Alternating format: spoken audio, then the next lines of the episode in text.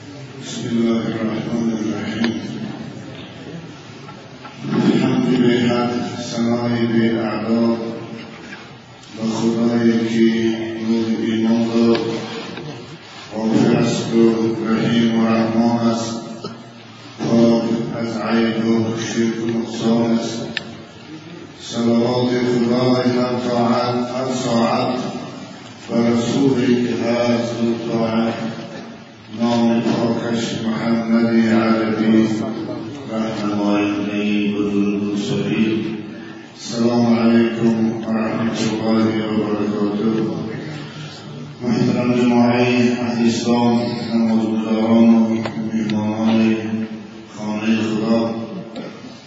همه میدانیم که نوروزها زائران خانه خدا گروه گروه چون فوج پروانه ها به زیارت شمع دوست و دیار محبوب عازم سفر هستند و بعضی ها کیها سفر کردند.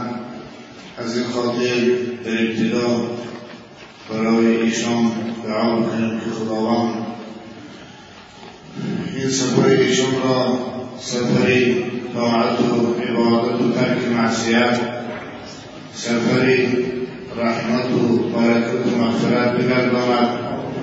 و پروردگار حج ایشان را با تمام مناسک و احکامش و جمله طاعات و عباداتش و وجه احسن و برکات خیش مبرور و مقبول بفرماید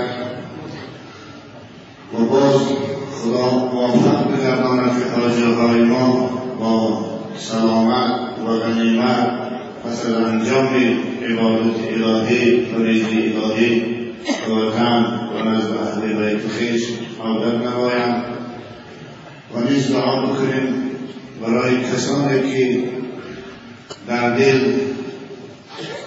آرزوی زیارت خانه خدا دارند و هنوز مشرف و زیارت این مکان مقدس نگشتن پروردگار به ایشان چنین روز خوش و چنین روز پربرکت را نصیب گرداند که مانند حاجیان امروز ما اونها هم روز عظیم سفر خانه خدا زیارت خانه خدا کردند و به این سعادت دنیا و آخرت موفق و با نصیب و برخوردار گردند آمین.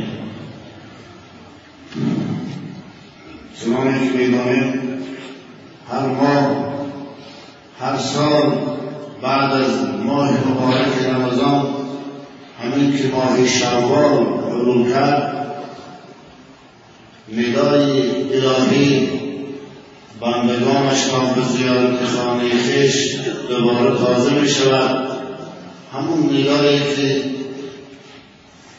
تقریبا سی هزار سال قبل از حنجره ابراهیم علیه السلام صدا داده بود استعیذ بالله و اذن فی الناس بالحج يأتوك رجالا وعلى كل ضامر يأتين من كل فج عميق که پروردگار اون روز با زبان ابراهیم علیه السلام و بندگان خود اعلام کرد که شما ای بندگان من بیایید به زیارت خانه من که من نخستین عبادت خانه خود را برای پرستش شما و طاعت شما در روی زمین وضع کردم.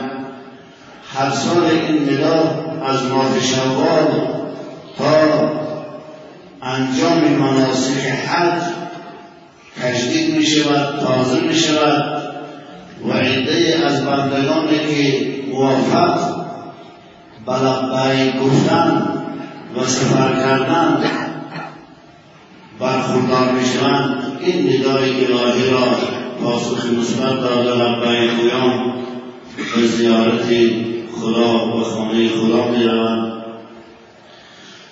شاید ای که در این راه قدم می در این راه قدم می نهی روی توجه و حرم می نهی پای به اندازه در کوی پای اگر سوده شود روحی نه یعنی هر زائری که قصد زیارت خانه خدا دارد باید با عشق و علاقه و سوز و شوق قدم در مسیر این را بلند می‌کند عبدالرحمن جامعه ملت به جان شوق ساکنی کعبه بیابان چند پیمایی چون اول قرب روحانی. چی سو از قدر منزلها. بنابراین حضرت ابراهیم و وقت دعا کردن و وجعل افئدتهم تحویل کنید ای خدایا عدت بندهات دلهاش مایل عاشق این خانه بگردان از این خاطر باید حاجی که عازم سفر حج می شود تصور بکند که به وطن دوست خود به خانه یار خود به شهر محبوب خود سفر کرده ایستاده است. مولانا نظم دارد مسکن یار است و شهر شاه من نزد عاشق این بود حب الوطن مسکن یار است و شهر شاه من پیش عاشق این بود حب الوطن اون حب الوطنی که می‌گویم جزی از ایمان است همین است دوست داشتن حریم خدا دوست داشتن حریم پیغمبر خدا. نگویید که مکه و مدینه تعلق به عرب ها دارد اون مال عرب های سعودی است مال عرب های حجاز است نه. بلکه اون مال تمام مسلمین کره زمین است در طول تاریخ. مال هم مسلمان ها بود و هم مسلمان ها خواهند بود خواهد بود. پس هر مسلمان قبل از که و مرزوبون اجدادی خود و زادگاه خود میبندد باید بیشتر و بیشتر به این مکان مقدس به حرمین شریفین و مکه و مدینه که مسکن یار است و شهر دوست است باید عشق علاقه داشته باشد برای خاطر همین علامه اقبال نظم دارد. در وصف بیت الحرم بگوید رازدار و راز ما بیت الحرم سوز ما همساز ما بیت الحرم. چون نفس در سینه او پروریم. مانند نفس ما در آغوش این مکان پرورش بیابیم چون نفس در سینه او پروریم جان شیرین است او. ما پیکریم او روح ماست اون حرمین شریفان جان عالم اسلام است. جان تمام مسلمان است. ما پیکر آمد جان شیرین است و او ما پیکریم. تازرو بستان ما از شبنمش تازرو بستان ما از شبنمش مزرعی ما آبگیر از زمزمش تو زی پیوند حریمی زنده تا توافی او کنی پاینده تا زمانی که ارتباط با اون مکان داری عشق و علاقه و پیوند به اون مکان داری تو زنده هستی. زمانی که تواف اون خانه می‌کنی تو پاینده و جاوی هستی بنابر هر کلام ما باید قبل از آنی که محبت با وطن خود داشته باشیم محبت با اون مکان مقدس داشته باشیم. اونم مکان ماست. چنانه که گفتیم این حرف ملتگراهایی که امروز می‌خواهند ما را به ملتها و قومها جدا بکنن و رحمه در صفی عالم اسلام بزنن به این حرفها که تبلیغ می‌کنن که حتی یک ترغیبات ضد عربی هم بسیار می‌رود متاسفانه در مطبوعات ما که یک نظری بسیار منفی نسبت به عرب ها دارن ما به عرب کار نداریم. ما به اسلام با پیغمبر اسلام کار مرز و بومش را ندانم از کجاست. اینقدر دانم که با ما آشناست. علامه اقبال میگه من با مرز و بوم کار ندارم و قوم ملت او کار ندارم و اینکه ملت او سسخار سسمار خود و شیر شدر خود کار ندارم. دل و محبوب حجازی بستیم زین سبب با هم دیگر پیوستیم باید ما به این چیزها نظر داشته باشیم. بنابراین اون وطن وطن همین ما شماست. وطن تمام عالم اسلام است بزرگان میگن سه چیز وطن ندارند و منصوب به هیچ قوم ملت نیست. یک دین دوم علم سوم فلسفه. این سه چیز مانند خورشید. ببینید منصوب به هیچ قوم ملت نیست. خاص به ایران قوم ملت نیست بلکه متعلق به تمام ساکنان زمین است. اعم از حیوان و موجودات دیگر انسان و حیوان و دیگر موجوداتی که دارد و همش تعلق دارد مال انسان هم نیست. همچنین دین هم دین عربی و عجمی نمی شود خدا هم خدای عربی و عجمی نمی شود پیغمبر فارسی و عربی نمی شود از این خاطر ما با جمیع انبیا خط نظر که او از قوم یهود است و غیر یهود است و عرب است و عجم است وقتی که نبوتش صحیح از جانب خدا ثابت گشته باشد ایمان داریم و با جان دل او را قبول داریم و محبت و عشق به او داریم این است این نقطه نظر اسلام خوب خلاصه امروز گفتیم عده از برادران محمد ما عازم این مکان مقدس هستند و می‌خواهند یکی از فریضه های الهی را که فریضه حج است ادا بکنند پس معنای حج چیست؟ معنای حج سفر کردن به دیار دوست برای زیارت دوست و خانه دوست در زمان مخصوص با احکام آداب مخصوص. این تعریف است که فقها برای حج بیان نمودند در این جمعه طبق دستور که از جانب استادسون می‌خواهم باب فضائل و جایگاه حج این ترغیب و ترهیب برای کسانی که نسبت به این فریضه الهی به توجه و به اهمیت ظاهر می‌کنند صحبت داشته باشید. جایگاه حج چنانه که بیان شد و همون می‌داند و از ضروریات دین است. که یکی از ارکان و ستونه های پنجگانه اسلام است. بودی از اسلام علا خمس چنانه که حتی کمپرهای زمان قدیم می‌دونستند که بنای مسلمانی بر پنج است. یکی از آن این فریضه حج است.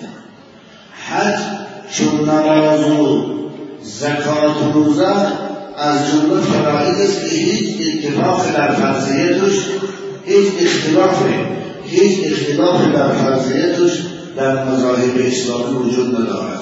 بلکه فرض متفق علیه است که فرضیتش هم با نص قرآن در قرآن آیه های زیاد مربوط به حج در سوره بقره در آل عمران در حتی سوره با نام حج در قرآن خداوند نازل کرده است زیاد است که ذکر این آیه ها از حوصله ما خارج از بریم است. این با سنت متواتر این چونین با اجماع امت که از همون روزه که حج فریضه شد تا این روز هیچ ولی زیاده از 1400 چند سال شده سال است فریضه حج ترک شدهش نیست. پس هر عملی که با چنین ادله قطعی ثابت شد او فرض متفق علیه هست و این کار چنین فریضه با اتفاق تمام مذاهب اسلامی کفر است و خارج شدن از دین است. این از جایگاه حج در دین مورد اسلام. اما فضائل حج هر چی فضیلت ها و چه اجر و ثواب ها برای حاجی دارد برای کسانی که این فریضه الهی را این بابت در سنت رسول اکرم صلی الله علیه وسلم حدیث های زیاد روایت شده است. و هم با روایت های صحیح و هم با روایت های ضعیف که اگر کتاب الترغیب و الترهیب ابن منذر خانه حدیث های زیاد ایشان میارند من بعضی از حدیث های اونها را خلاصه می‌کنم. در چند معنا در چند موضوع.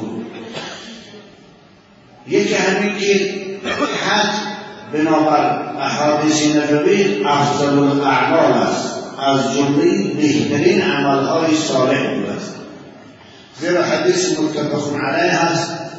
وقتی پیغمبر خدا صلی الله علیه و سلم را سؤال کردن روایت ابو هریره می‌کنند یا رسول الله ای الاعمال افضل بهترین عمل صالح برای بنده مؤمن چه عملی است؟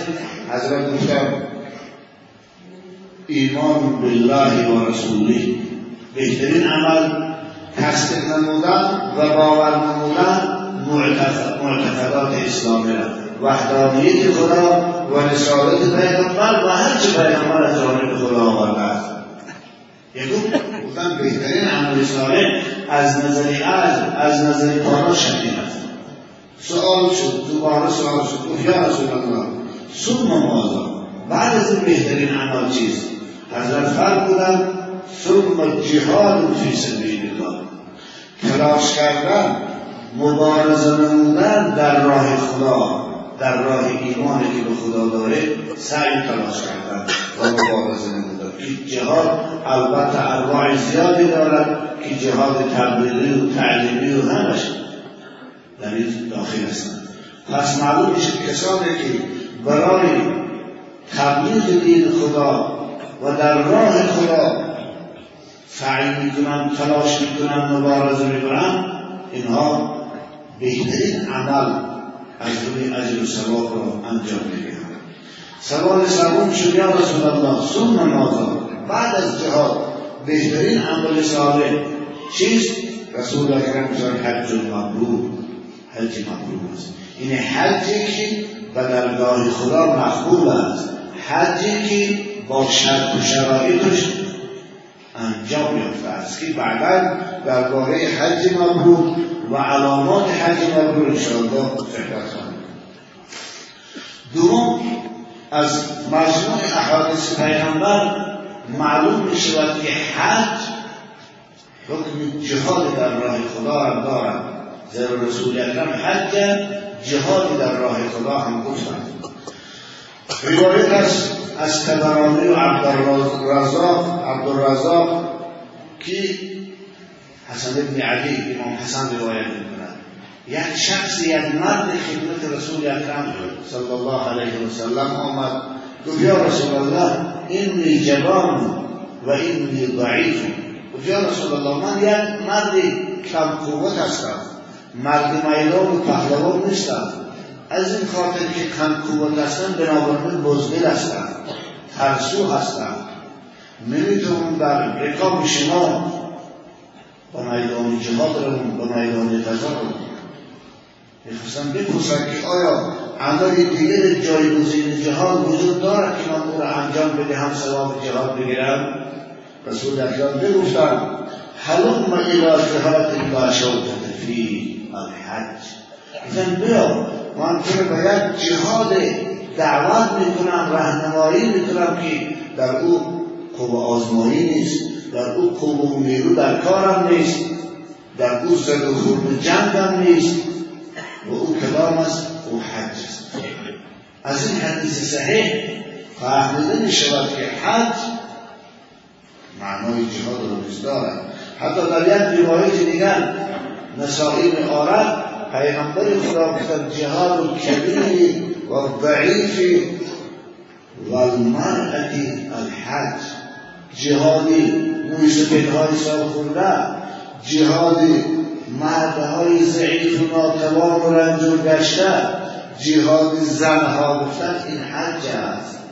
پس کسی خواهد ثواب جهاد به دست بیارد؟ سفر حج می‌کند حتی در روایت بخاری و مسلم از حضرت عایشه مادر مانند این معنا این مسئله صراحتا ذکر شده است. یا و حضرت عایشه مادر گفتن یا رسول الله نرى الجهاد افضل العمل. ما زنها جهاد بهترین عمل صالح می‌دانیم. افلا مجاهد معن و ما می‌توانیم همراه شما در رکاب شما رو میدان برایم و ثواب جهاد بگیریم که ثوابی غذا بدهیم. رسول اکرم چی گفتن؟ لکن افضل الجهاد حج مبرور لکن افضل الجهاد حج مبرور. برای شما گفتن ای زنها بهترین جهاد حج مبرور است. حج مخبوب است. این چون یک از دیگر فضیلت هایی که حج دارد بنابر دلالتی که احادیثی نبوی به اون می‌کند همین است که حج برای حاجی تولد جدید است. حج برای حاجی پاک روح حاجی نامه اعمال حاجی از گناهان است. که اون حدیث متفق علیه که بسیار شنیده تکرار به تکرار هر سال گفته می شود رسول اکرم میفرماید من حج فلم یرفض ولم یفسق خرج من ذنوبه که یوم ولدته امه هر کی حج مبرور حج مقبول حجی که در اون معصیت گناه نباشد ادا بکند تولد تازه مییابد. مثل طفلی از مادر به دنیا آمده روح پاک و نامه اعمال پاک به دستش داده میشه حتی در حدیث دیگر رسول اکرم فرمودن تابعو بین الحج و العمره. گفتن حج عمره دنبال همدیگر پس همدیگر انجام بدهید. بنابراین حج تمتع و حج قران بهتر از حج افراد است. چون در حج تمتع و حج قران از نظر علت مسئله ما. چون در حج تمتع و قران شما پشتی سری عمره حج انجام بدهید به این حدیثی پیغمبر خدا به شما عمل تابعو بین الحج و العمره.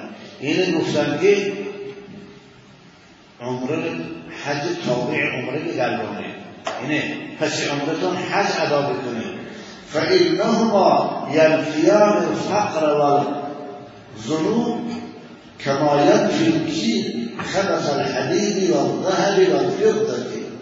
گفتن زیرا این دو عبادت از شما فقر و خشاقی و گناهان شما را از بین می‌برد. اون که کوبه آهنگر شرک و آلودگی های آهن و طلا و نقره را دور می‌کنند و آن را خالص سره میگردند مانند همین روح شما را این دو عبادت پاک می‌کنند از گناهان از چی نوع گناهان اکنون هم آیا گناه های کبیره یا گناه های صغیره؟ اگر شما در حج توبه حج شما توبه با توبه نصح باشد حج شما توبه با توبه همراه با توبه صادقانه باشد با توبه صحیح باشد همه گناه شما آموزیده میشه. هم صغیره و هم کبیره. همش آموزیده میشه. اگر با همین حج توبه نصح داشته باشد که دیگر گرد گناه بعد از حج بعد نمیگرده و این حج هم حج مبرور است. چنان که بعدا می‌گوییم یکی از شرطهای حج مقبول و حج مبرور همین است. اما رفت اگر در قلب خود عزم توبه کردن از گناه های میکردگی نداشته باشید. حالا بسیار میرم با بیان با گناه. در این صورت این حد شما گناه های کبیری شما را از بین می‌برد. زیرا امام نبوی میگه که نزد اهل سنت و جماعت همین است که گناه کبیره فقط با توبه کفارت می‌شود و با فضل و رحمت خدا کفارت هیچ عملی صالح نه حج نه نماز نه روزه. اگر توبه با توبه نباشد جا با توبه نصح باشد گناه های کبیری شما رو کفارت نمی‌گیرن اما وقتی که توبه با توبه باشد در این صفت هر شما از گرفتید که دیگر گرد گناه نمیگرده حتی نه تنها گناه های کبیره که حق الله است بلکه گناه های کبیره که حق الله است همیشه وقتی که در دل عزم کرده باشید ادا بکنه خدا این گناه ها رو میبخشد و برکت وقوف در مزدلفه چون که آمده است.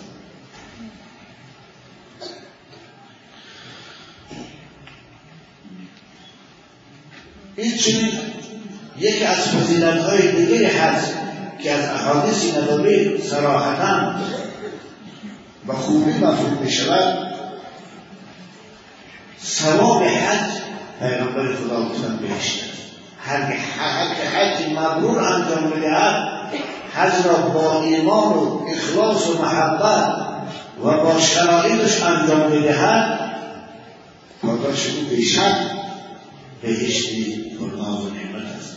زیرا رسول اکرم در حدیث متفق علیه که بخاری مسلم روایت می‌کند میفرماید الحج المبرور لیس له جزاء الا الجنه حج مقبول را پاداش است و جز بهشت و جز جنت چیزی دیگری نیست.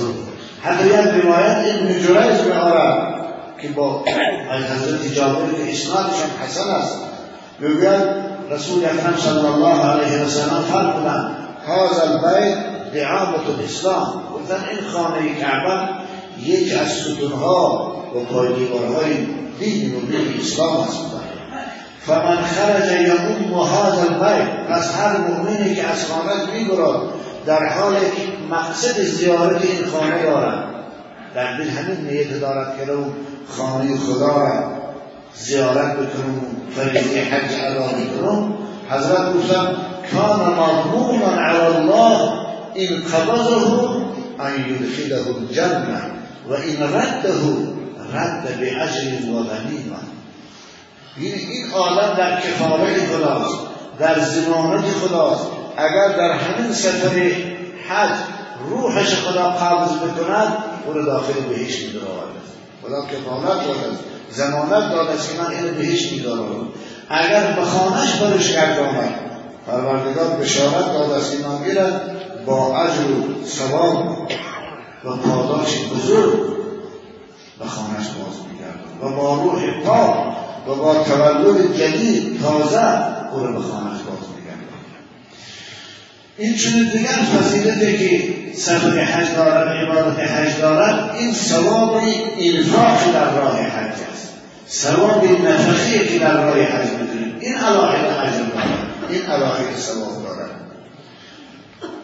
پیغمبر خدا در حدیثی که امام احمد و حج روایت می‌کنند ان نفقت فی الحج کن نفقت فی سبیل الله خرجی که در سفر حج می‌دونید مثل خرج است که در راه خدا در راه جهاد. مانند همین عجل دارد مانند همین پاداش دارد حتی رسول اکرم یک محاسبه برای ترغیب ما به سفر حج و انفاق در راه حج کردن گفتن ادبیر همون به سبع یک کنگه نقرگین که لایق دینار و درهم یک کنگه نقرگینه که شما در راه حج خرج می‌کنه 700 برابر در پیشگاه خدا اجر و پاداش ذخیره داره ببینید هر سومش به شما 700 فائز فایده در خزینه خدا در بانک خدا با دست میاره هر سومش پس 3500 دلاری که شما در این را خرج می‌کنید تصور کنید چقدر ثوابی برای شما با دست علاوه بر اون پولی که با خدا رو در خود بخورا خرج حتی حج و عمره رو پیغمبر خدا فی سبیل الله هم گفتن. ولی فی سبیل الله چه می‌دونن که یکی از مصارف زکات خدا در قرآن میگه این الصدقات للفقراء و المساکین و میگه فی سبیل الله و فی سبیل الله هم بعضی از مشتهدها مشتهدی تفسیر می‌کنن به جهاد در راه خدا. بعضی ها به هر خدمتی که در راه خدا کرده می شود از بینای مساجد و مدارس و نشر کتاب و تعلیم و تعلم مثلا دروس اسلامی در این هم تفسیر می‌دونن ولی در یک روایت پیغمبر خدا گفتن الحج و العمر فی سبیل الله که این حدیث امام احمد روایت کرده بوده در مسند الحج و العمره فی سبیل الله حج عمره اینها در سبیل الله داخل هستند اینها همون سبیل الله هست که خداوند اینها را مسجد زکات قرار داده است. از همین حدیث استدلال کرده بنابراین امام شافعی وعز أئمة ما از أئمة لازم واحد الإمام أبو يوسف في سبيل الله تفسير میکنه با مقدر الحاج اكتساب هو اختلاف قولين دارد از إمام محمد أبو يوسف. إمام محمد منقدر گزارش میگوید اون قاضی که از سبیل الله حقی مونده است اون را فی سبیل الله میدارد ولی ابو یوسف منقدر حاجش مونده اونه که از سبیل حق باز مونده است از سبیل فقیر ما داریم بنابراین یه شخص اگر زکاتش به یک فقیر برای ادای فریضه حج بدهد نزد حضرت ابو یوسف نزد امام شافعی این از ادای فریضه حج آزاد بشه بنابراین جایز است. اگر در شرح است که استدل به هذا الحدیث الحنابلة و ابو یوسف حتی مذهب امام احمد حنبل هم بود است على جواز صرف الزکات للفقیر الذي يريد اداء الحج. و همین روایت امام احمد حنبل یعنی راوی روایت حدیث از این کسان بودن.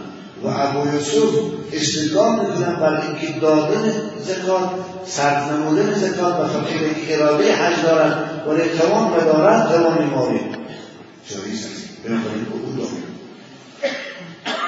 و این ابو داود در همین معنا باز یک روایت دیگر میارد می‌گوید یک مرد ناقه خدا شده خدا وقتی فی سبیل الله کرد. یعنی در راه خدا وقت شد وقتی که وقت فی سبیل الله شد دیگه شخص نمی‌تواند او را برای خدمت خانهش استفاده کنه. مثلا شما یک زمین یا یک کارخانه را وقت فی سبیل الله می‌کنه دیگه از پول نمی‌تونه در زندگی خودتون صرف کنه. این هم شطور میشه وقت سبیل الله کرد. دیگر کسی حق نداره در کار خودش استفاده کنه فقط در راه خدا در اون مصرف وقت صرف میشه. خانون همین مرد اراده حج کرد. اراده حج کرد شطور سواری نداشت. و غیر همین شطور یگانه که اونم شواهدش وقت فی سبیل الله بود برای سفر رفتن راه دور بود از مدینه با مکه مرکب ضرور بود. پیش رسول اکرم آمد. بود یا رسول الله من قصد حج نمودم می‌خوام حج نمود ولی سواری ندارم یه مرکب داشته شواهد وقت فی سبیل الله کرده. آیا برای من جایز است که همین شطور که وقت فی سبیل الله هست سوارش رو استفادهش رو حج رو سفر حج رو رسول اکرم چی گفتن؟ ارکبیها فإن الحج فی سبیل الله. حدیث ابو داود من سوارشم زیرا حج هم فی سبیل الله هست. بنابراین این هم یکی فضیلت های دیگری حج هست حضرت عایشه مادر ما که این حدیث حاکم روایت می‌کنند در باب فضیلت نفقه حج میدارد یه وقت به رسول اکرم گفتن یا رسول الله من در راه حج خرج می‌کنم نفقه میدین آیا چه اجر چه ثوابی برای من می‌رسد؟ حضرت و حضرت عایشه مادر ما گفتن این لکی من الاجر على قدر نصبك و نفقتك این لکی من الاجر على قدر نصبك و نفقتك گفتن که برای تو ای عایشه از این عمرت و از این حج ثواب می‌رسد به اندازه مشقت و رنج و به اندازه خرجی که در این راه کرد. پس از این حدیث معلوم میشه که سفر حج شما یا سفر عمر شما هر قدر رنجش بیشتر باشد ثوابش بیشتر است. بنابراین از مشقت و رنج سفر حج باید آدم دلازونده بشود باید آدم اظهار نارضایتی نکند اون سعدی حافظ مددو در بیابان گرز شوخی کعبه خواهی زد قدم سرزنش ها بر کند خاری مویلان غم بخور. بنابراین باید از اون رنجه هایی که در این سفر عبادت این تکلیف من بگیرن دیگر. باید زحمت هاشو تحمل کنید رنج و مشقت هاشو تحمل بکنید نباید ناراحت شوید نباید آزرده شوید یا شکایت کنید جای نبود از کنید گرم بسیار نبود از کنید این نبود از کنید آده بعضی فقط شکایت اگر رفتون که ما رنج کشیده باشد شکایت از اون رنج مشقت شد. اما که چقدر رنج بیشتر همون قدر سوابش بیشتر اگر شرطه که شما عکس عمل خوب از خود نشان بدهید. یعنی نارضایتی نکنید ناراحتی نکنید تنفر از این رنج مشقت نکنید اون صورت عجز دارد قابل شد ولی که تنفر کردید نفرت کردید ای جای نبود از زمین نبود از وقتی که این حرف ها رو گفتیم که برای هیچ حد ثوابی ندارن رنج مشقتات به و پاداش هست این چنین. در همین حدیث به حضرت عایشه مادر رسول اکرم گفتن که هر قدر نفقه بیشتر باشد ثواب حج ثواب از حج عمرت بیشتر. پس معلوم میشه که نفقه هر قدر بیشتر باشد ثواب همون قدر بیشتر حاصل میشه. خب این یک سلسله حدیث هایی بود که من در باب فضائل حج ثواب و پاداش حج به شما گفتم اکنون می‌گویم به ترکیب یعنی به تحلیل هایی که از جانب صاحب شریعت و صاحب دین نسبت کسانی که مسلمان هایی که مؤمن هایی که قادر بر حج برای حج نمی‌تونن یا نکرده هم بخوان بگویم. برای که بسیاری آدمان واقعا شرایط حج دارن. قادر بر حج هستن ولی حج کردن مسئله مهم نمی‌دانن سهل شده می‌کنن. ترمزی روایت می‌کنن. با واسطه زحاکم مزاحم از ابن عباس. یه وقت ابن عباس در یک مجلس نشسته بودن رضی الله عنه با مردم صحبت داشتن. ثانیا سخن گفتن. گفتن من کان له مال یبلغه حج بیت ربه او تجب عليه فيه زکات فلم یفعل. سأل الرجعة عند الموت. گفتن هر مسلمانی که اونقدر مال و دارد که او رو می‌تواند برساند به زیارت خانه خداش این مبلغ زیارت خانه خدا رو دارد. زیاده از حاجت حسبی و ضروری خانه زیارت از او اونقدر مبلغی دارد اونقدر ثروتی دارد که او رو به زیارت حج میرساند. یا اونقدر پول مال دارد که به نصاب رسیده است به مره رسیده است و بر او زکات فرض شده است حق الله تعلق گرفته است ولی ادا نمی‌کند. نه همین پولدار فریضه حج ادا می‌کند نه فریضه زکات ادا می‌کند. و با همین حال این آدم بمیرد فریضه حج ادا نکرده حالا که قادر بود فریضه زکات زکاتش ادا نکرده حالا که شاه واجب شرایط حج بود. حتما در حالت مرگ همون وقتی که حضرت ازرائیل چند به جانش می‌زده بود روح به حنجره گروه بیاد در همون حالت. از خدا طلب می‌کرده است که پروردگار ما به دنیا باز کرد یک بار دیگر به دنیا باز کرد یک بار دیگه حیات دیگر بده خدا.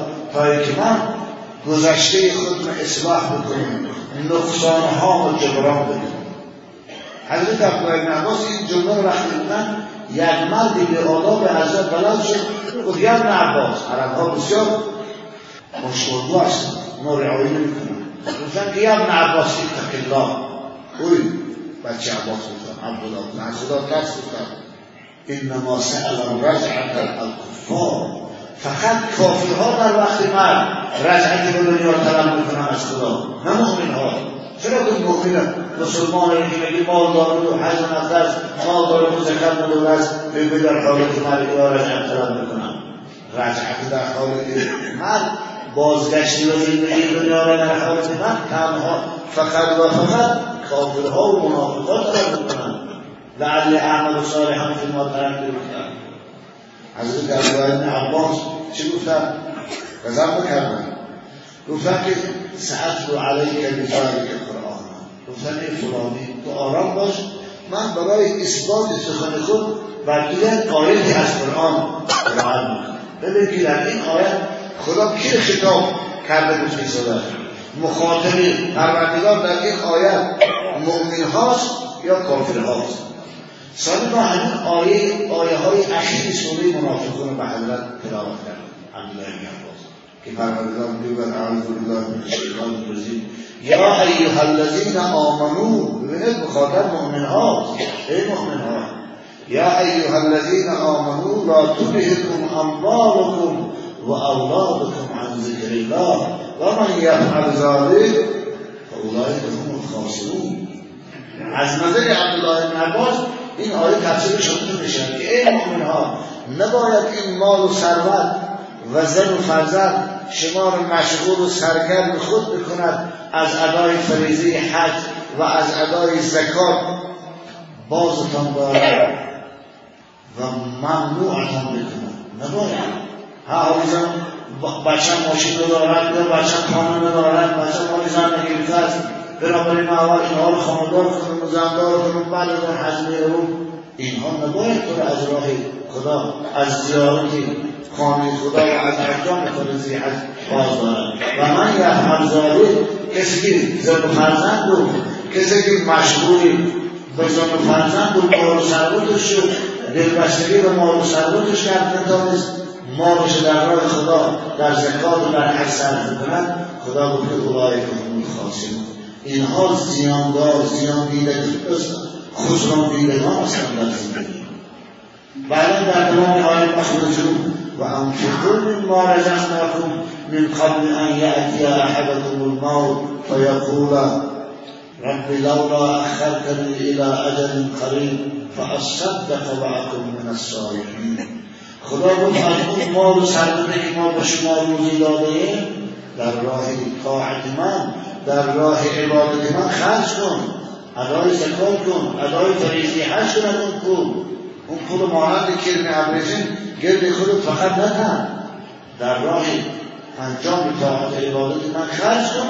پیش که مرد به سراغ شما بیاد و شما در سکرات مرد بیافته اونگاه به حسرت بگوید لو رب لولا اخرتنی الى اجل قریب فاصدق و اکن من الصالحین. ای خدا چند مهلت دیگر من موقوف گذار. مرگ من موقوف گذار و من حیات زندگی بده. تا اینکه فاصدق من این مال رو در راه تو در راه طاعت تو خرجش کنم زکات ها حج در راه خدا بکنم. و اکم من الصالحین منم از زمره حاجه ها از زمره زکات دهنده ها از زمره زکات دهنده ها بشم. گفته این حسرت در اون حالت میخوب و خدا چه می‌گوید و لن یؤخر الله نفسا اذا جاء اجلها.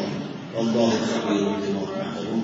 هیچگاه خداوند وقتی که قول سعدی بگم چو پیمانه پر شد به دور زمان که یک لحظه صورت نبندد امان که پیمانه پر شد به دور زمان. وقتی پیمانه عمر ما پر شد وقتی که آخرین نفس که خدا برای ما مقدر کرده است کشیدن آخرین لقمه را که خدا برای ما تقدیر کرده بود فرو بردن آخرین قطره آب که خدا برای ما حکم کرده بود نوشیدن دیگه ریسک کنده شد نفس کنده شد دیگه یک لحظه پیش پس میشه که یک لحظه صورت نبندد امان چه پیمانه پر شد در زمان. این وعید است. این آیه کریمه با این تفسیری که عبدالله بن عباس کرده است در روایت ترمیزی خیلی وعید شدید است. خیلی تهدید سخت است برای کسانی که در انجام این فریضه الهی که حج است تقصیر می‌کنند. کوتاهی بنابراین عبدالله بن عباس کدام مسلمانی که در تقصیر ادای فریضه در انجام فریضه ادای حج در انجام فریضه حج تقصیر می‌کنند حتما در حالت مرموش از خدا رجع کنند. بازگشت به دنیا کنند. باید کرد. تأخیر نباید کرد. در احادیث هم رسول اکرم صلی الله علیه وسلم با لحن شدید تهدیدهای زیادی دارد. حتی در روایت میفرمایند من ملک زادا و راحلة تبلغه الى بیت الله الحرام فلم يحج فلا عليه ان يموت يهوديا او نصرانيا. یه آدم اونقدر مال و سلوتی دارد که او به زیارت خانه خدا و انجام فریضه حج میرساندش ولی که این در این امر خدا تقسیم می‌کنند کوتاهی می‌کنند و این امر الهی را ادا نکرده از دنیا میره بعضی آدم ببینید این مال دنیا به خانه دارد بسیار پولدارهای رو دنیا وقتی پول بسیاری در دست داشتن. شرایط و امکانات برای حج رفتن بود. اما و وسوسه شیطان افتیدن فردا و پس فردا بودن روز بود که همه ما رو از دست رفت و انقراض شد. به خاک زمین شد دیگر قدرتی ندارد که این فریزه الهی را حتما این آدم حسرت می‌کنه وقتی من حسرت می‌کنه خیال می‌کنه که مال و ثروت فقط از دست شما ها مرد می‌گیرن. نه گردش فلک هم می‌گیرن. الله یبسط الرزق لمن یشاء و یقدر. خدا با حال سفرات می‌کنن و به کم بش می‌کنن چی می‌گیرن؟ بنابراین حاضر که واجد شرایط هستی شرایط ادا کردن فریضه حج داره همین فرصت غنیمت داره. فردا و پس فردا نبود. وعده فردا و پس فردای تو به قول معلومه انتظار حشرت آمد وای تو. و با حضرت نظر پیامبر خدا در تمام حدیث گفتن آدمی که این شرایط داشت این قدرت داشت که حج نرفت. و با همین از ادای فریضه حج عاجز شد.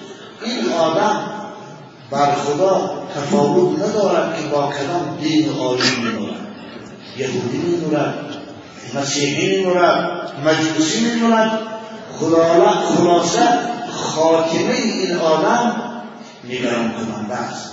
حتی همین حدیث که شارح های حدیث میگن که این حدیث خودش دلالت می‌کنه که این ترک الحج یدل علی سوء الخاتمه. ترک نمودن حج بدون عذر شرعی دلالت می‌کند بر بردودن خاتمه همین آدم. احتمال از خاتمه عمرش از ایمان جدا شود از اسلام جدا شود با آین یهودیت و مسیحیت یا آین دیگر از دنیا اما کسی که حج ادا می‌کند انشاءالله همین ادای فریضه حج علامت است است دلالت می‌کند بر نیک بودن خاتمه عمری بعد خلق خاطر يعني إمام الخاطر يعني خير يبعيد سعدا حتى لا يحدث إلى حلال فرمان رسول أكرم من لم تحبسه حادث ظاهرة أو مرض حابس أو سلطان جائر ولم يحته فليمت إن شاء يهوديا وإن شاء نصرانيا گفتم کسی را محتاجی محتاجی آشکارا از حج منعش یا بیماری که حبس کرد او زمینگیر کرد. دیگه نمی‌تواند با اون بیماری مسافرت کنه یا یک پوچای ظالم است که راه ها را بست است. و مسلمان اجازه سفر حج نمیدن چرا در زمان شده بود؟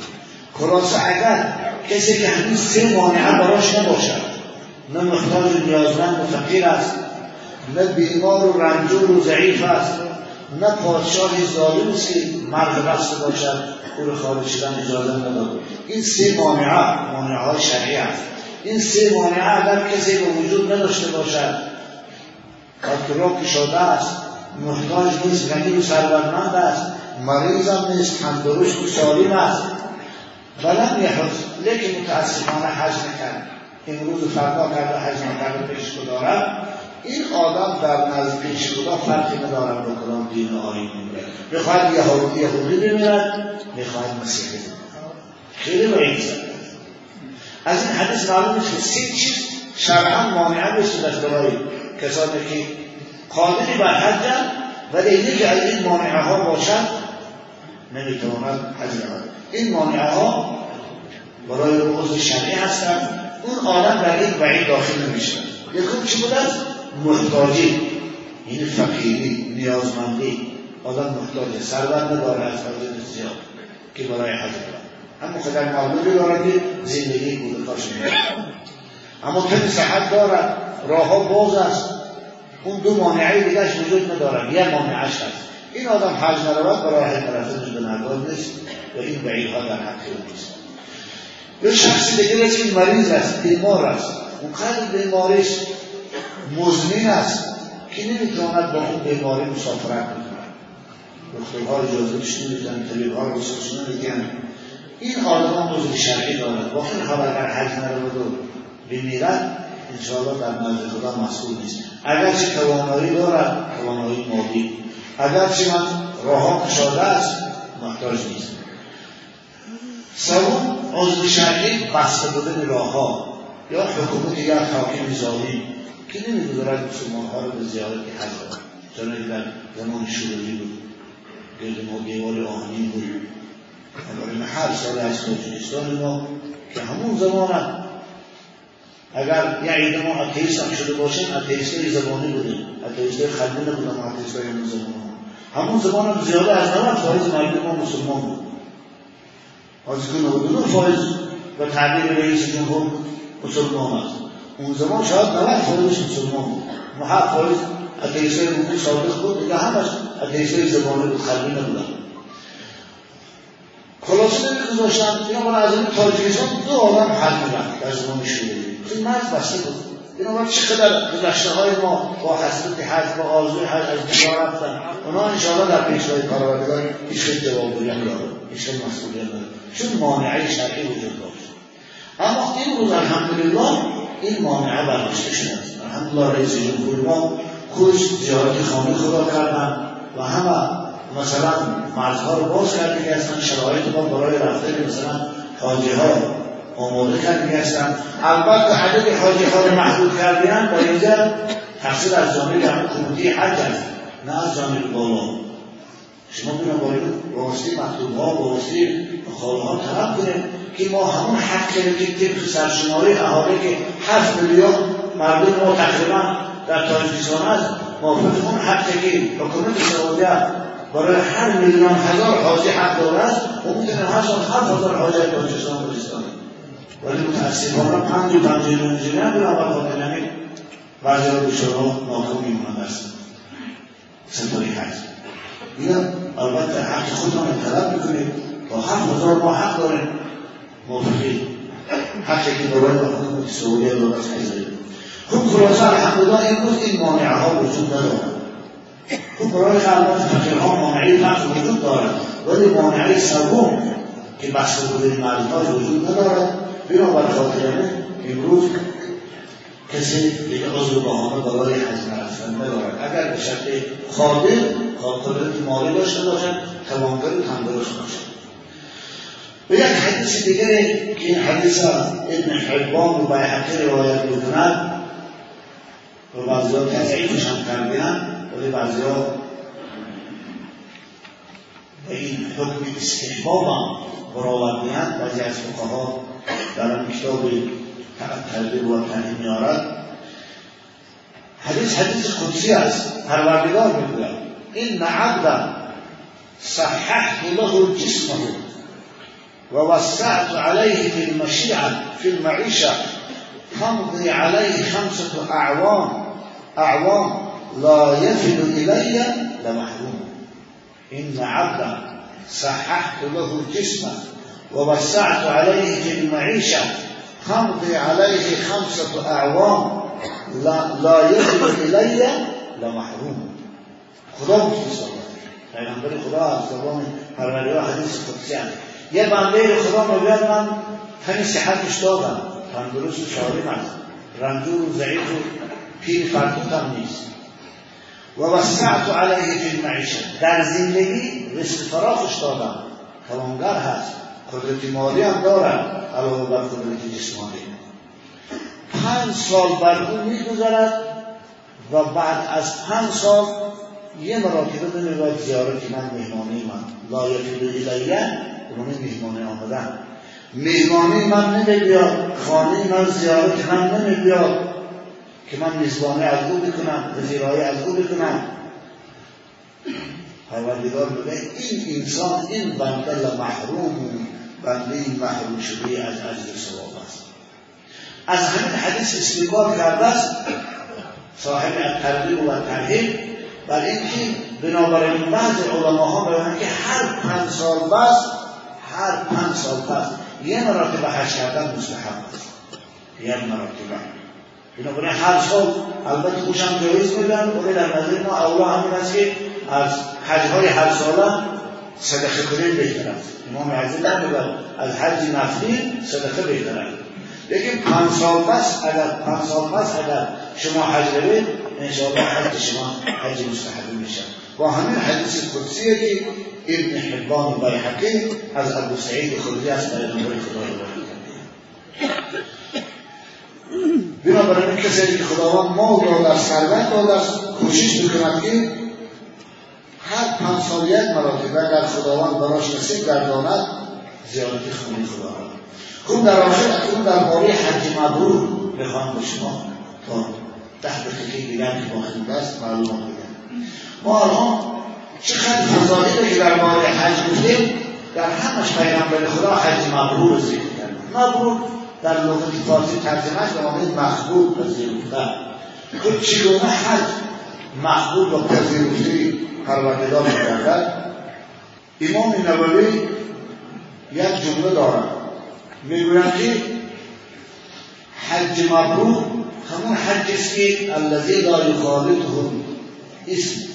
و المعصیه حج که در انجام این حج در ادای این حج معصیت و گناه رخ نداده است. چنانکه خدا در قرآن میگه فمن فرض فیهن الحج فلا رفس ولا فسوق ولا جدال فی الحج.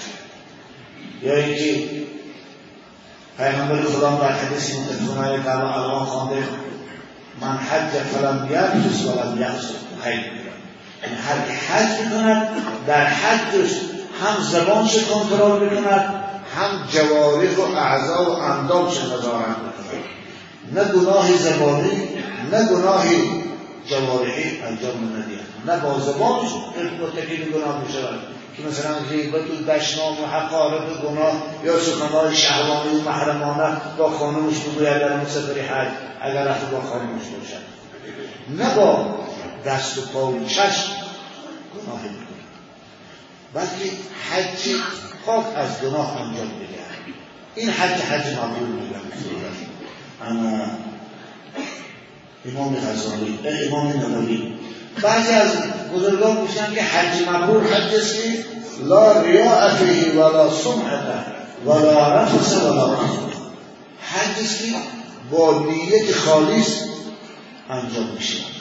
نیت خالص برای خدا نه برای ریا و سمعت نه برای خودنمایی کسب شهرت و گرفتن نام حاجگی بعضی ها آره همین مقصد هم دارن. اگر ما حج بکنیم تا اینکه عنوان حاجی بگیریم برادر از که عنوان حاجی رو در نام ها اضافه کردن.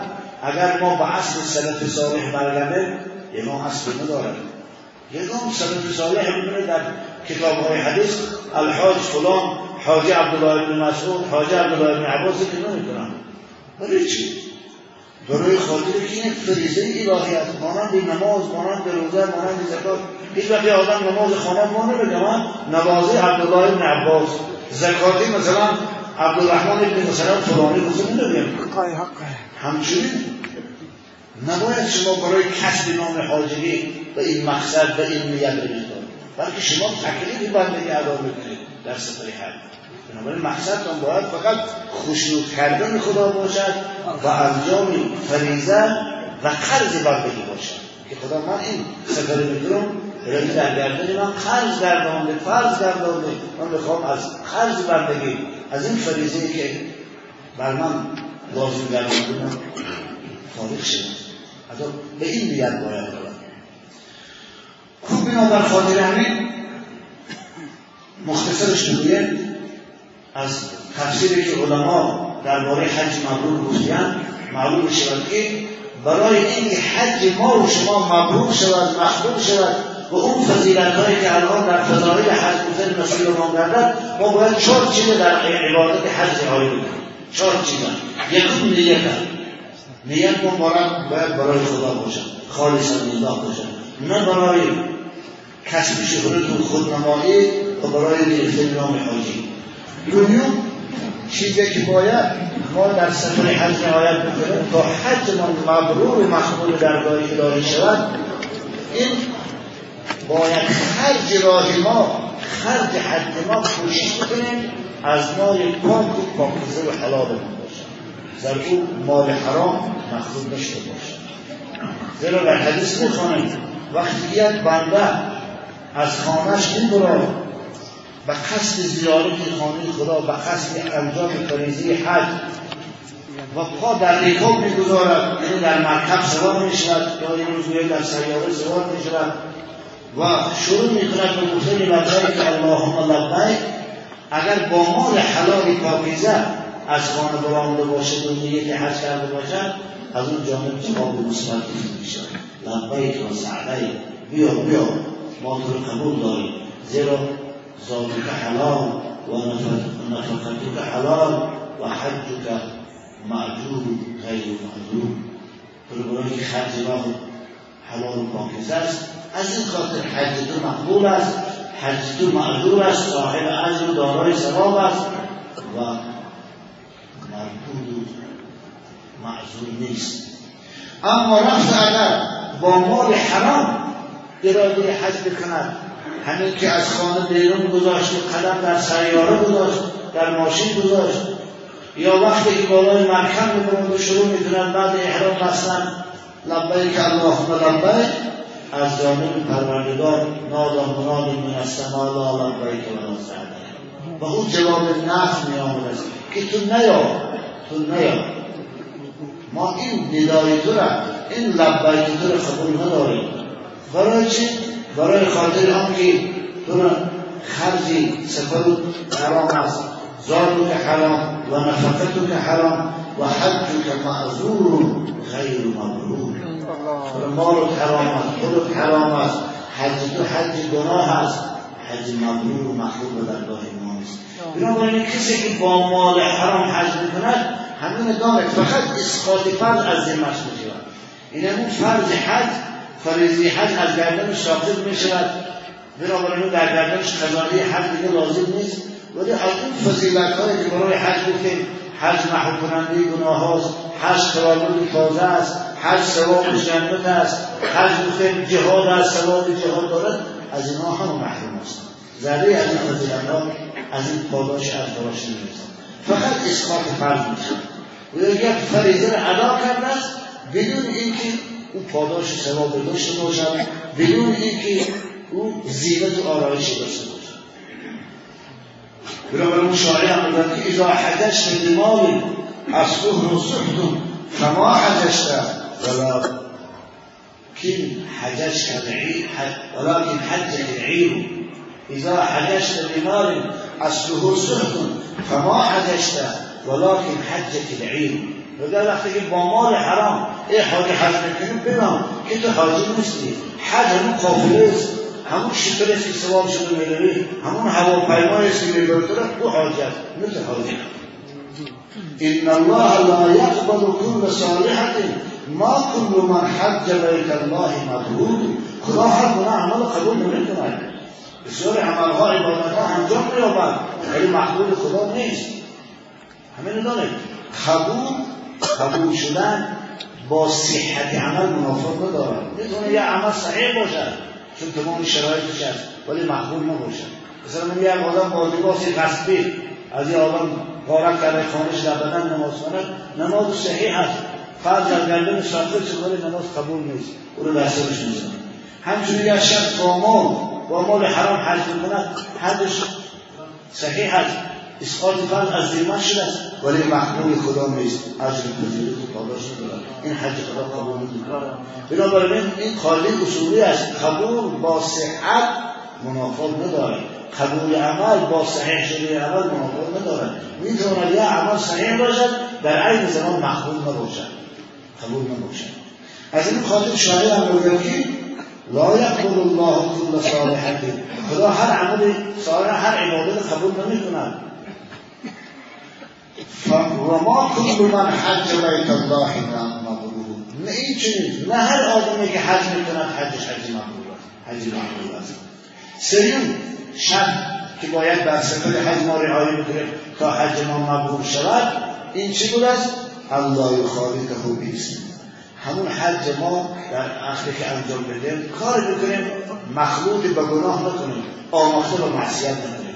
هم زبان ما هم جوارح انداممون حفظ بکنیم که در سفر حج گناه صادر نشه بعضی حاجی ها رو میداره در بخدا در همون سفر حج حتی فکر نمی‌کنه ما کجا آمدیم در کجا قرار داریم چه عبادت انجام بدیم. حقارت و دشنام و جنگ و ما تو شاهدی هم حج رفتگی خودم بود یا بدبخت در همون سفر حج باید مسافر حج از خودش خیلی چیز زاد کلام بود و وقت توازن حقارت دشتان بسیاری در صدای حد این خیلی حاضی ها حدش مطلوب نیست.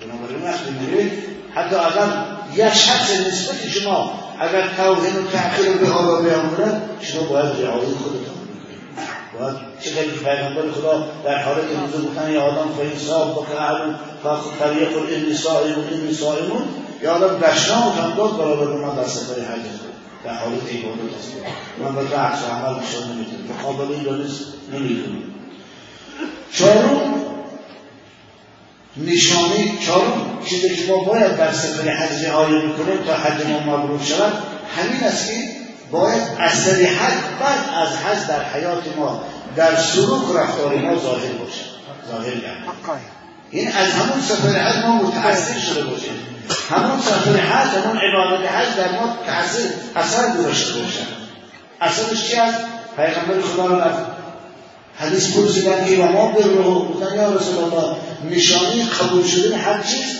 اطعام الطعام و طیب الکلام و فی روایت افشاء السلام این یکی اطعام الطعام یعنی بعد از حج سخاوتش بیشتر میشن اگر زنی باشد این نشانه چی مقبول و مقبول بودن شد دویم تیب الکلام خوش کلام میشه یعنی اخلاق خوب میشه اون صفات رزیله که قبلا داشت اون زبان ناپاک که قبلا داشت که دشتان و حقارت و غیبت می‌کرد زبانش اصلاح میشن خوش اخلاق میشن خوش کلام میشن یعنی افشاء السلام افشاء السلام نسبت معناش میگه نسبت به دیگر برادرها هم در دیگه کدورت ندارن کینه ندارن قهری به کسی نیست. بلکه هر کسی رو ببیند آشکارا به اون سلام می‌کنن یعنی این نشانه های گفتن چی؟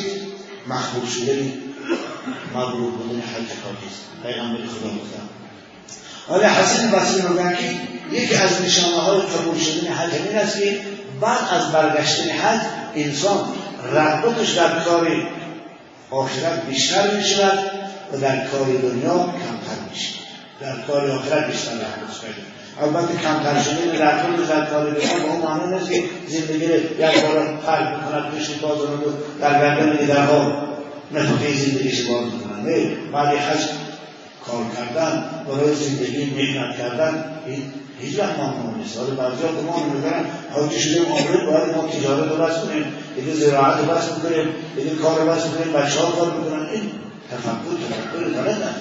این مهنت برای زندگی خود عبادت است. این سخن عبدال حضرت امام حسن بسری است که باید محبت کار دنیا محبت و ثروت دنیا کمتر باشد از عشق و علاقه به طاعت و عبادت کار آخرت. داره نمی‌تونه باشد اینا خاطر همین دعا بکنیم که خداوند مختم رسول حاجی های ما را حجاشون مقبول و مقبول بکند و پروردگار کسان که در این آرزوی زیارت خانه خدا دارند پروردگار برای اونها روز این سفر مبارک و بودشان بگرداند خداوند فیض و برکات خود را در این کشور ما در این سرزمین ما آید و نازل بفرماید آفات و بلا و بیماری و رنجه و فقر و تنگسه خداوند هر چه بهتر از سرزمین ما باز گرداند مسافران ما را هر جا که باشند خداوند باز با غنیمت و سلامت به خانه‌دارشان باز گرداند و بیماران ما را شفای عاجل و کامل به فرزندها و فرزند صالح. محبوسهای خداوند آزادی از حبس قرضدارهای خداوند رهایی از قرض و فرزندان توفیق فایده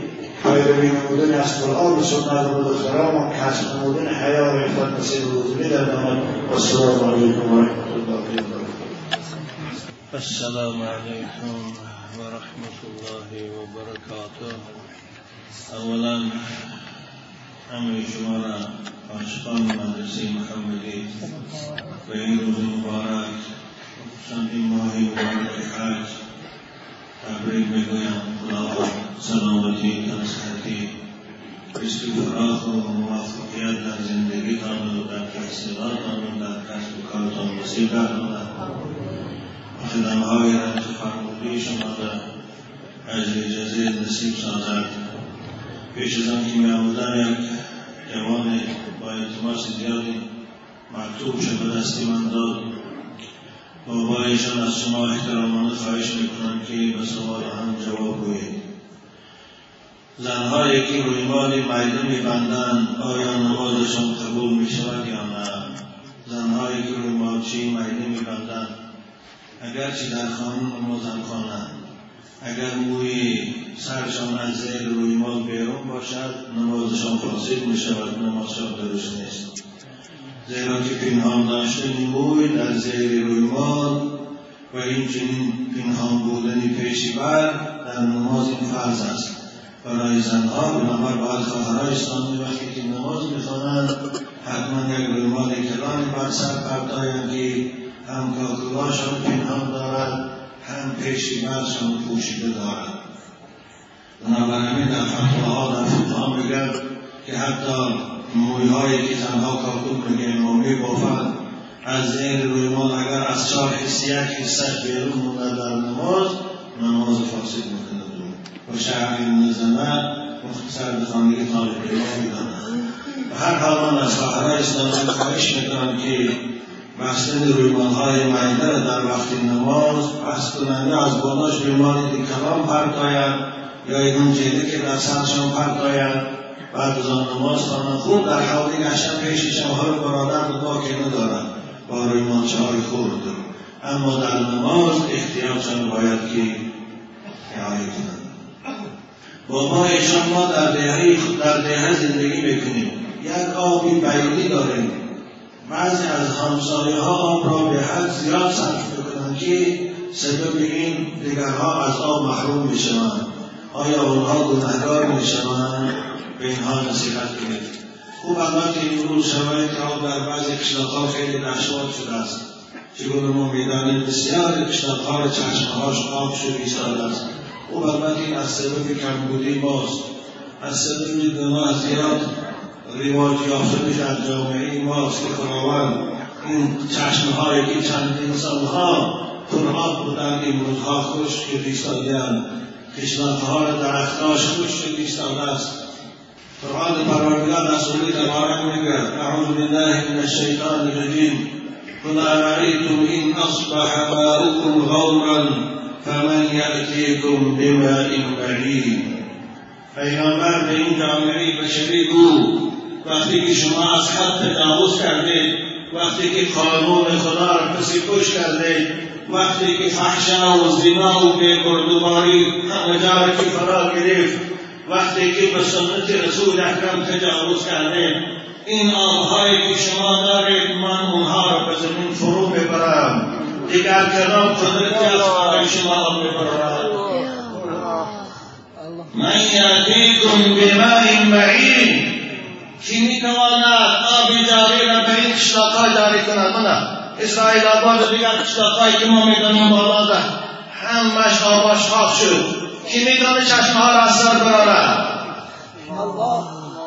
غیر الله دیگر کسی نیست. وقتی که امروز می‌فهمیم بعض حادثه ها را از جانب حکومتداران از جانب مردم ما چقدر به قانون شریعت ضدیت نشان ایستادهاند حالا هم خدا حلیم است که دریای ورداب و کافرنان خوش نمی‌کند حالا هم حلیم است که دریای بخش خوش نمی‌کند بنابراین امروز مسئله آب تشویش آور است. مردم باشدن از بعدها کیلومتر آب آورد ایستادهاند ما می‌بینم در قشنقهای کفاز ما کوهیش یگان زراعت در زمیناشون نمی شود چیزی که لانه باشد نه کشتی دارد نه پیاز دارد نه حتی درختاشون خوش شده برد چشمها خواب شد. اما چشم عبرتبین نیست. برای حکومتدارای محترم ما. شنیدم امروز جوانایی که پیش دارن در ماشینها سوار نظارتچی های راه من می‌کردن پرواشون می‌کردن حتی داشتن تاریش نظر شدن می‌کردن شما آرستاستی از چند نفر شدن من این این جنگ آشکارا به ضد سنت رسول اکرم است حالا ریش ریش موندن این سنت پیغمبر است ریش این چهره زیبای محمدی است محمد آن زیبا پیشواریشش بود. الله! محمد نفرت دارد. با دعوا میگن ما امت محمد منتظر باشید. منتظر امام عذاب کی قل أرأيتم إن أصبح ماؤكم غورا فمن يأتيكم بماء معين هوای منتظر باشد او برای کسانی که در اون محله زندگان می‌کنن شاید در این باشن من از این مادر خواهش می‌کنم که نام محلشان می نویش بهتر بود اما علاسف نوشته است. و همه کسانی که در کشافر زندگی آب اونها با شلنگی بیاد یا که از زیر زمین و دفرات ساخته برآوردن خواهش می‌کنیم آب را صرف کاری کنیم. زیرا در آب هم اصراف است. اسلام اسرافکارها را دوست نمیدارد چگونه در پوشیدن لباس اسراف است؟ در خوردن زیاد اسراف است. در صرف کردن آب از معیار اندازه زیاد کنم اسراف است خدا اسرافکارها را دوست نمیدارد حتی رسول اکرم در لب جویبار را دید طهارت می‌کنه به پروایان سه بار و چهار بار هر روز به شوشکی ساده است. از به اصراف کردی. اگرچه در لب آب هم که باشی از سه بار دارید نشود وإن كنت على نهر جانب خدا اسرافکاران رو دوست می‌کنه. بنابراین این المبذرین کانوا اخوان الشیاطین اسرافکارها بےپرواها برادران شیطانند با شیطان فردا یکجا هستند بنابراین من او کسانی که خانه هاشان بلندید است شما اینجا آب بےپروا سر میگید اونها به آب نمی‌رسند آخر مسلمان برادر مسلمان است. مؤمن برادر مسلمان است. وقتی که او بی آب موند گوید که تو آب موندی. و بر مدینه اندیشه کرد. یا که بعض مسلمان ها رو ببینن در نهر که مردم آب نفرم بی پروایان و نجاست به پردایان لعنتی ها می شود و مسلمان گفت. او اندیشه می‌کند که همین نهر از پایانش ده ها مردم آب می نوشد من نجاست قانون در این میپردام و اونها نوشد در پیش. سفید آبش این نجاست کن لعنت نمی کند پروان ندارد نمیشه دیدار مسلمان بود گفت مسلمان اسلام از ما می‌خواد نه مسلمان نیستن. وقتی که آب می‌گیره هر آدم باید در حوالش و پیروان را حتما جوده جوره با چیز محکم کنه این کرایلی دوم کرایلی میگه میبستگی اسبابش کن جومت در شما باشه طور محکم کنه تا در وقتی که شما رو در جون دیگه خوب این سوال برادران کوتاه من جواب دادم انشاءالله باز جمعه های آینده میدان بشنه خود دام و محمود جان بکنن اکنون این روزها چی بوده شنیدن و دیدن و این چنین به حال ایستادن حاجی های ما به سفر خانی خدا ایستادن این روزان در این مسجد ما شماری زیاد از حاجی ها آمدین بخاطر التماس دعا. من برایشان حدیث باب فضیلت تکبیر میخوانم بعد از آن و ایشان دعا میکنم رسول اکرم صلی الله علیه و سلم میگوید ما احل محل إلا بشر وما كبر مكبر إلا بشر قيل يا رسول الله الجنة. قال نعم رواه ابن خزر حاجیان محترم.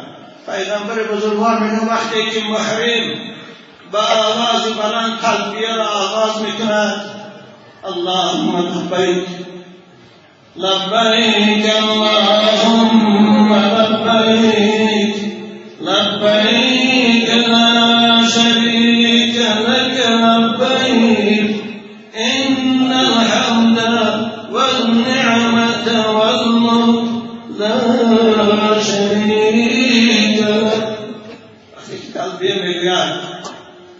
مبشرا ملائکہ الہی بہو بشارت میدان میں بے خوشخبر بابتو سیوانجت دعی حاضری محترم۔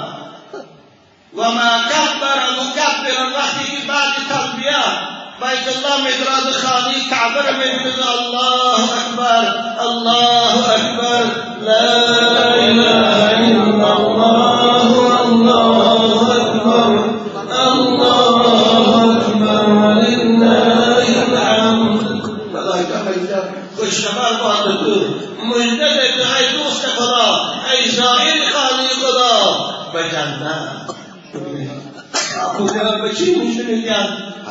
حضرت به جنت بنابر تحلیل گوید تلبیه گوینده ها تکبیر گوینده ها را ملائکه های الهی بشارت به جنت میگن حاجی های محترم از همین فرودگاه که سوار میشید. سمالیات فرامده احرام بسته تلبیه را در هیچ حالت فراموش نکنید اصحاب پیغمبر خدا قدر تلبیه می‌گفتن که از زیادتی تلبیه گلوهاشان خسته می‌شد گلوهاشان محکم می‌شد. أما رسول اکرم أفضل الحج العج والسج.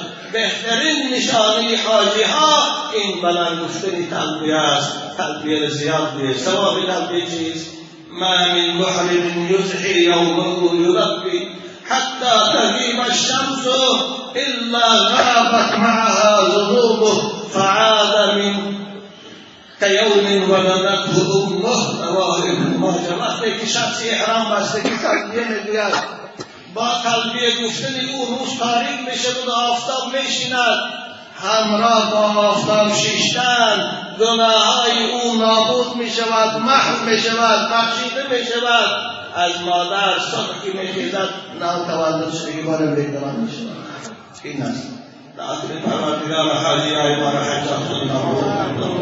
سعیاشان مشروع گردان گناهاشان را آموزیده گردان. بعد از سفر سلامت به خاندانشان باز گردان خصوصا حاجی که امروز در این خانه خدا امروز در این مدرسه محمدی این ساعت همراه ما هستند خدای حج اینها را هم مبروک گردان خدای این سفر دور و دراز و براشان آسان گردان پروردگار احکام های حج عاشقانه به جا آوردن براشان نصیب گردان خصوصا معذر ما قاریان امسال همراه با دوستان اینا که سفر حج داشتن خداوند بعد از انجام حج باز به در این مسجد معظم گوید. از خواهش خالی خواهش می‌کنیم برای ما هم و شما هم عزیزان در تمام خانه کعبه در وقوف به عرفات از دعای خیر شما را فراموش نکند